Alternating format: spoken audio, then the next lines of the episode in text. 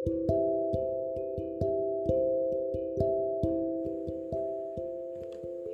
adalah suatu sistem yang kedaulatan dan kekuasaan tertinggi dalam pengambilan keputusan adalah rakyat. Demokrasi mengizinkan warga negaranya memiliki hak kebebasan bersuara atau berpendapat dalam menentukan atau mengubah kehidupan. Sistem demokrasi di Indonesia bersumber dari Pancasila dan Undang-Undang 1945. Adalah rule of law.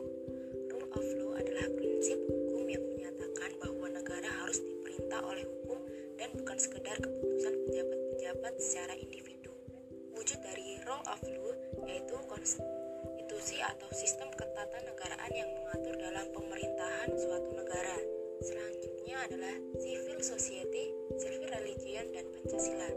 Terciptanya civil society dan civil religion sangatlah berkaitan dengan